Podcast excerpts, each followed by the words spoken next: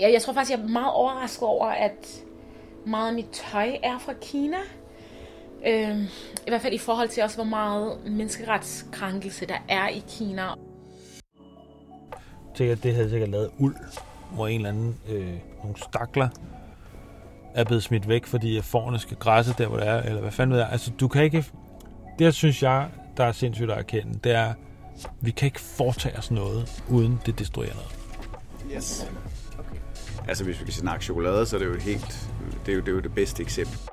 Fordi den ligger der og ser lækker ud, og det er mega fedt, det er mega sødt, og det er bare det er utroligt behageligt.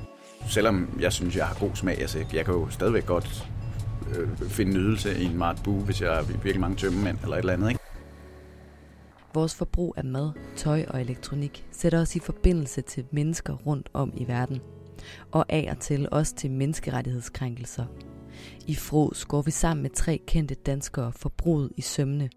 Vi kigger i deres klædeskab, køleskab og carport, og vi breder os ud om klimakamp over for socialt ansvar. Vi taler om, hvordan vi skal håndtere forbrugerskammen og købertrangen, og om vi overhovedet kan købe nyt uden at få menneskeskæbner på samvittigheden.